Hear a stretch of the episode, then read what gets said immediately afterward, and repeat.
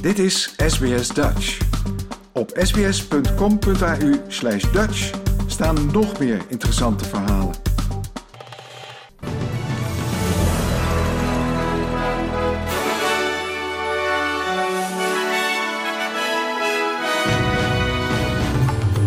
Dit zijn de headlines van het SBS Dutch nieuwsbulletin van zaterdag 17 december. Waken in Chinchilla voor omgekomen agenten en omstander.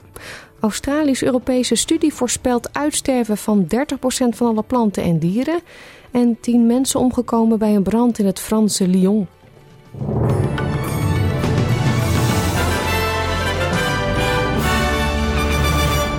In de stad Chinchilla in Queensland is vannacht een waken gehouden ter ere van de twee politieagenten en een omstander die begin deze week omkwamen bij een hinderlaag.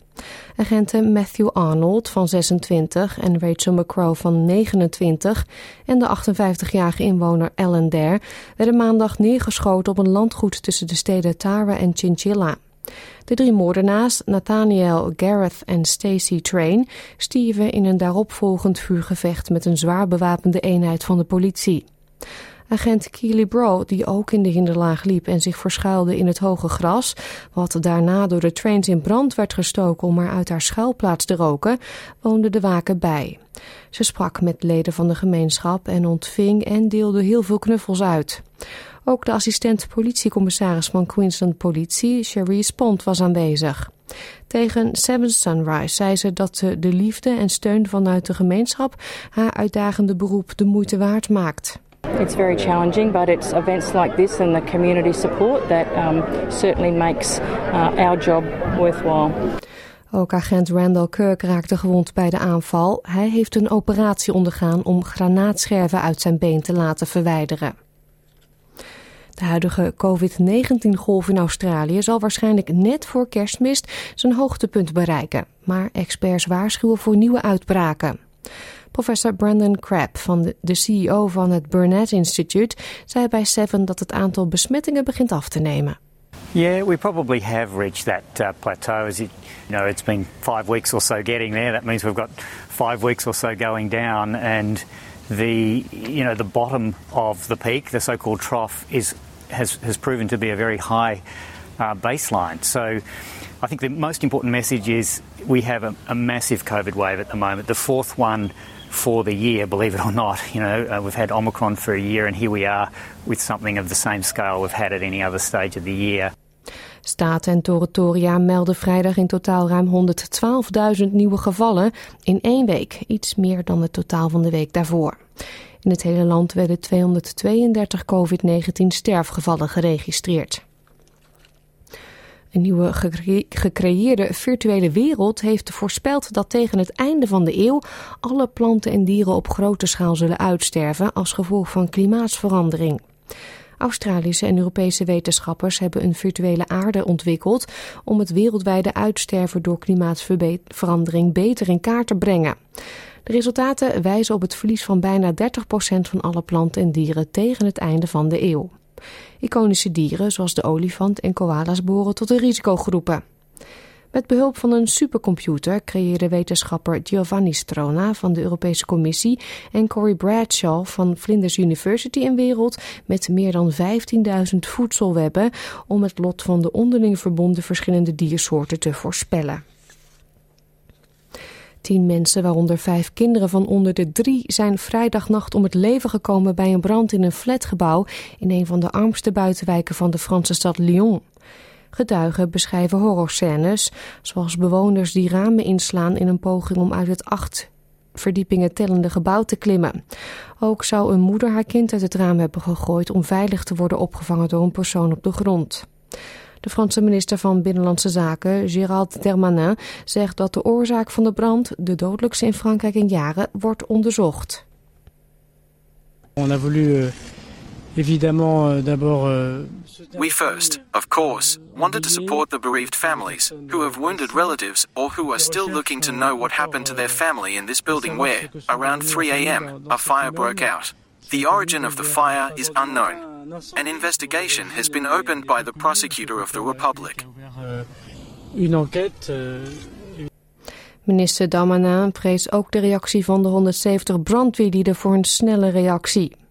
Naast de 10 dodelijke slachtoffers raakten nog eens 14 mensen gewond, van 4 ernstig.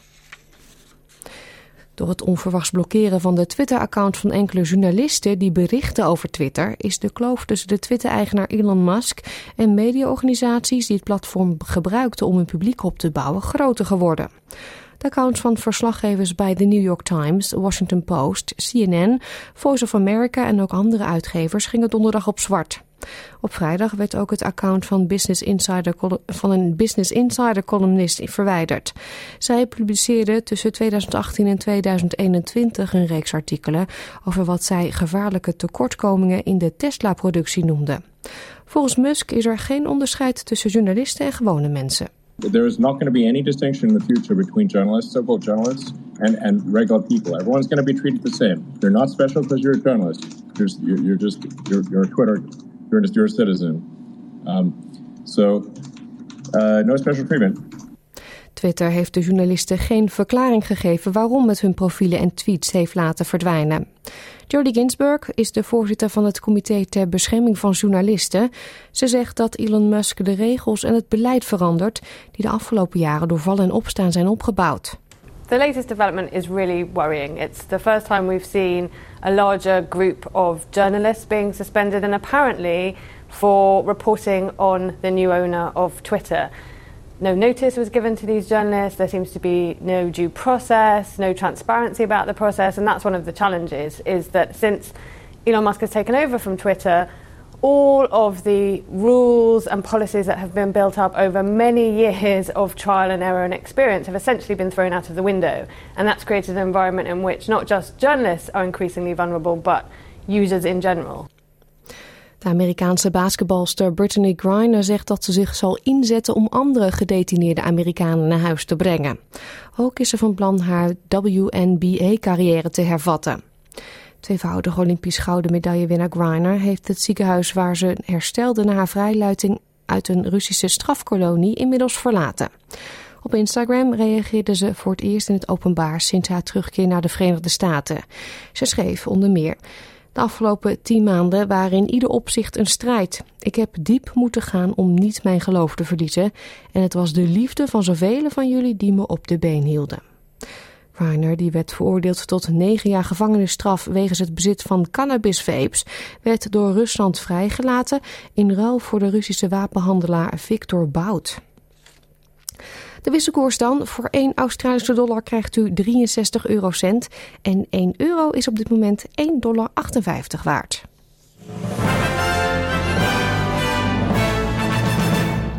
Kijken we natuurlijk nog even naar de weersverwachting voor vandaag. Zonneschijn in Perth, het wordt daar 31 graden. Ook in Adelaide is het zonnig, 28. Melbourne gedeeltelijk bewolkt, 22. Hobart, een bui of twee, kan daar vallen, 17 graden. Canberra overwegend zonnig, 22. In de Wollongong kans op een paar buien, 19. Hetzelfde in Sydney en Newcastle, daar een maximum temperatuur van 21 graden. Brisbane kans op buien, 25. Ook in Cairns trekken één of twee buien over. Het wordt daar 32 graden. En in Darwin een paar buien, mogelijk met onweer, bij een maximum temperatuur van 33 graden. Dit was het SBS Dutch Nieuws.